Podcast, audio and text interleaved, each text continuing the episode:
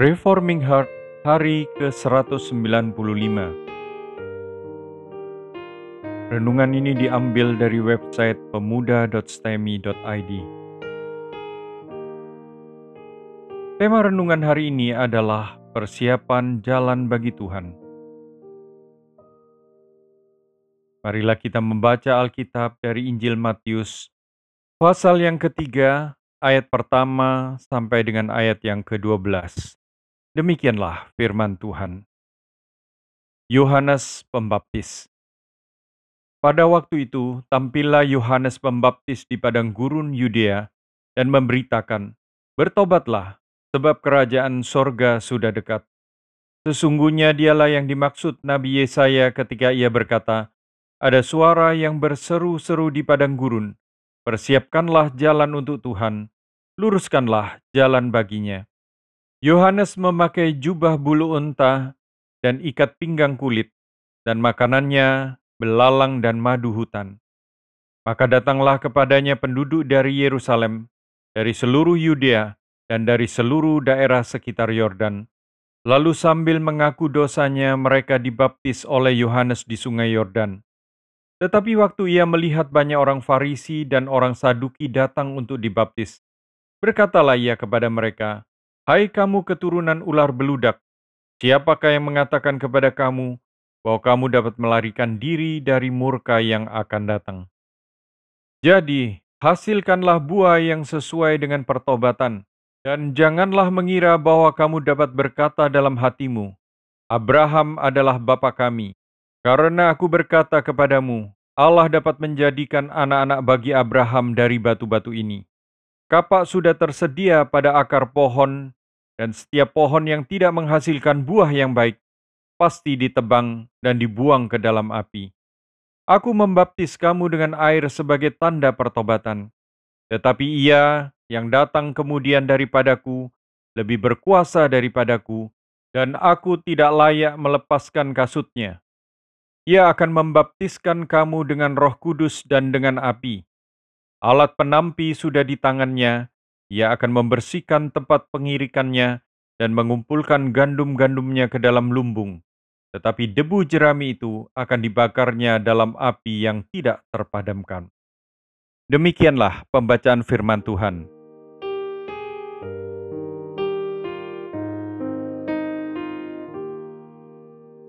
Sebelum pelayanan Kristus dimulai, Tuhan menyatakan bahwa ada seorang yang akan mempersiapkan jalan bagi Dia. Di dalam ayat yang pertama sampai ketiga, Yesaya memberitakan tentang nubuat perdamaian. Ini dikutip dari Yesaya 40 ayat 1 sampai 11. Keselamatan untuk bangsa yang di dalam pembuangan.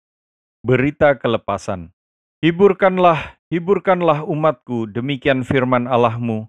Tenangkanlah hati Yerusalem, dan serukanlah kepadanya bahwa perhambaannya sudah berakhir bahwa kesalahannya telah diampuni, sebab ia telah menerima hukuman dari tangan Tuhan dua kali lipat karena segala dosanya. Ada suara yang berseru-seru, Persiapkanlah di padang gurun jalan untuk Tuhan, luruskanlah di padang belantara jalan raya bagi Allah kita. Setiap lembah harus ditutup, dan setiap gunung dan bukit diratakan. Tanah yang berbukit-bukit harus menjadi tanah yang rata, dan tanah yang berlekuk-lekuk menjadi dataran, maka kemuliaan Tuhan akan dinyatakan, dan seluruh umat manusia akan melihatnya bersama-sama. Sungguh, Tuhan sendiri telah mengatakannya. Ada suara yang berkata, "Berserulah." Jawabku, "Apakah yang harus kuserukan?" Seluruh umat manusia adalah seperti rumput, dan semua semaraknya seperti bunga di padang. Rumput menjadi kering, bunga menjadi layu, apabila Tuhan menghembusnya dengan nafasnya. Sesungguhnya lah bangsa itu seperti rumput. Rumput menjadi kering, bunga menjadi layu, tetapi firman Allah kita tetap untuk selama-lamanya. Hai Sion, pembawa kabar baik, naiklah ke atas gunung yang tinggi. Hai Yerusalem, pembawa kabar baik, nyaringkanlah suaramu kuat-kuat, nyaringkanlah suaramu jangan takut. Katakanlah kepada kota-kota Yehuda, Lihatlah, itu Allahmu. Lihat, itu Tuhan Allah. Ia datang dengan kekuatan dan dengan tangannya ia berkuasa. Lihat mereka yang menjadi upah jerih payahnya ada bersama-sama dia, dan mereka yang diperolehnya berjalan di hadapannya. Seperti seorang gembala, ia menggembalakan kawanan ternaknya dan menghimpunkannya dengan tangannya. Anak-anak domba di pangkunya, induk-induk domba dituntunnya dengan hati-hati. Sampai di sini pembacaan firman Tuhan. Dengan kedatangan Tuhan sebagai puncak dan seruan pertobatan sebagai pendahuluan, di dalam Yesaya 40 ayat 3 yang tadi kita baca, di mana semuanya digenapi di dalam diri Yohanes Pembaptis. Yohanes Pembaptis ini akan mempersiapkan suatu umat bagi Kristus. Dia akan mempertobatkan orang Israel untuk menyambut Kristus dan menjadi pengikut dia di dalam pelayanan menyatakan kerajaan Allah. Kedatangan sang pendahulu ini seperti kedatangan seorang utusan untuk mengumpulkan kedatangan raja. Dia mendahului raja untuk mempersiapkan rakyatnya menyambut sang raja. Bagaimanakah cara pendahulu ini? Yohanes Pembaptis mempersiapkan umat Tuhan menyambut kedatangan raja mereka. Dia melakukannya dengan mengkotbahkan pertobatan yang sejati agar umat Tuhan tidak lagi hidup di dalam kecemaran mereka dan bersiap untuk menyambut kedatangan Sang Raja. Karena seruan pertobatan yang berkuasa inilah Yohanes Pembaptis diidentikan dengan kuat kuasa Elia. Ini dikutip dari Maleakhi 4 ayat 5 dan 6.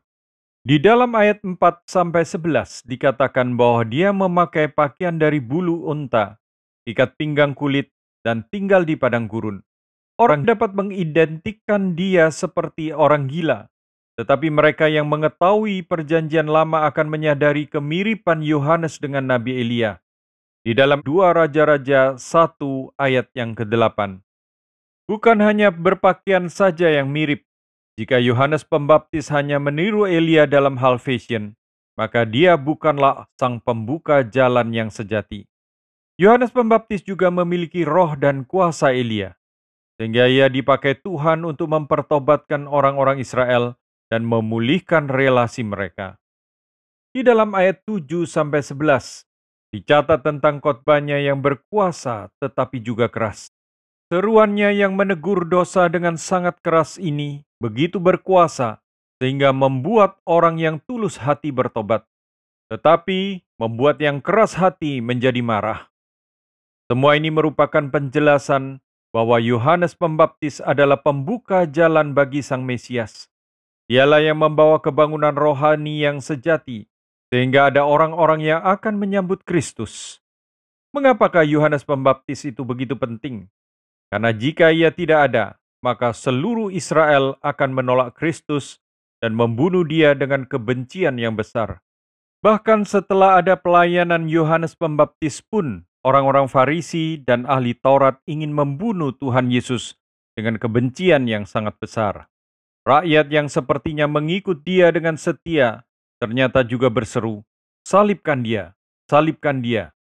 Di dalam Yohanes 19 ayat 6 dan ayat 15.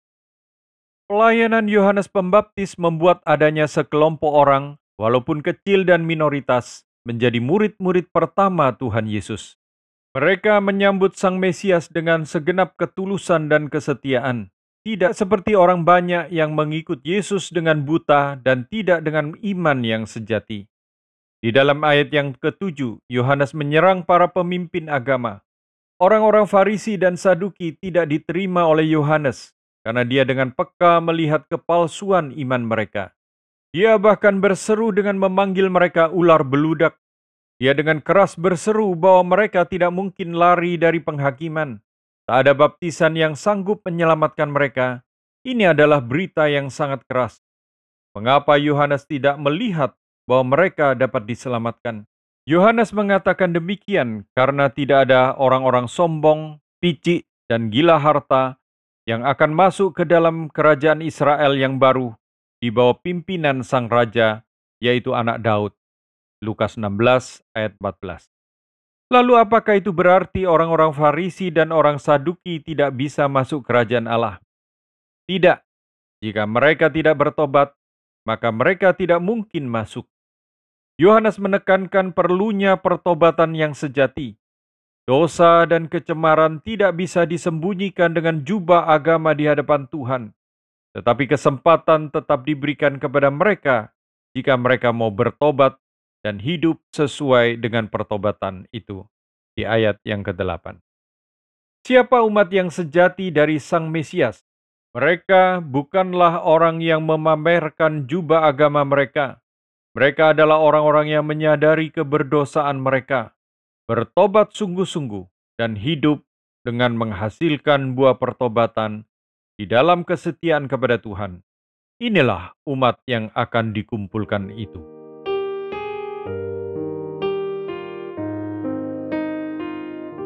Mari kita merenungkan. Siapakah kita menjadi umat Tuhan yang sejati? Yohanes Pembaptis diutus Tuhan untuk mempersiapkan dan membentuk umat yang sejati dengan seruan pertobatannya. Demikian juga pada zaman sekarang kita perlu seruan dari hamba Tuhan yang sejati yang menyerukan perlunya pertobatan dengan sungguh-sungguh. Pertobatan yang tidak main-main, pertobatan yang disertai dengan buah yang nyata dan terlihat secara alami, bukan secara palsu. Orang Farisi penuh kepalsuan. Demikian juga kehidupan kita jika belum bertobat. Tuhan tidak membuang kita karena kita cemar dan berdosa. Tuhan membuang kita karena kita tetap tidak mau bertobat ketika teguran dan peringatan dari Tuhan itu datang. Ketika kita berada dalam keadaan cemar dan penuh dosa, ketika seharusnya kita dimurkai dan dibuang Tuhan, Tuhan justru mengirimkan seruan pertobatannya Yohanes Pembaptis dikirim oleh Tuhan untuk mempersiapkan satu umat dari Israel yang sedang cemar dan terbuang. Tetapi ketika seruan itu ditanggapi dengan dingin, dengan ketidakpedulian, pada waktu itulah penghakimannya akan datang. Tuhan akan mengirimkan kapak untuk merobohkan pohon-pohon yang dia tidak tanam, yaitu mereka yang walaupun termasuk bagian daripada umat Tuhan secara fisik, tetapi tidak pernah sungguh-sungguh bertobat. Umat Tuhan yang disiapkan oleh Yohanes ini adalah umat yang tidak berpaut pada Yohanes. Umat ini adalah umat yang akan meninggalkan Yohanes untuk pergi mengikuti sang raja, yaitu Yesus. Di dalam Yohanes 3 ayat 30. Yohanes tidak pernah mencari keuntungan diri ataupun kenikmatan dan kepentingan diri sendiri.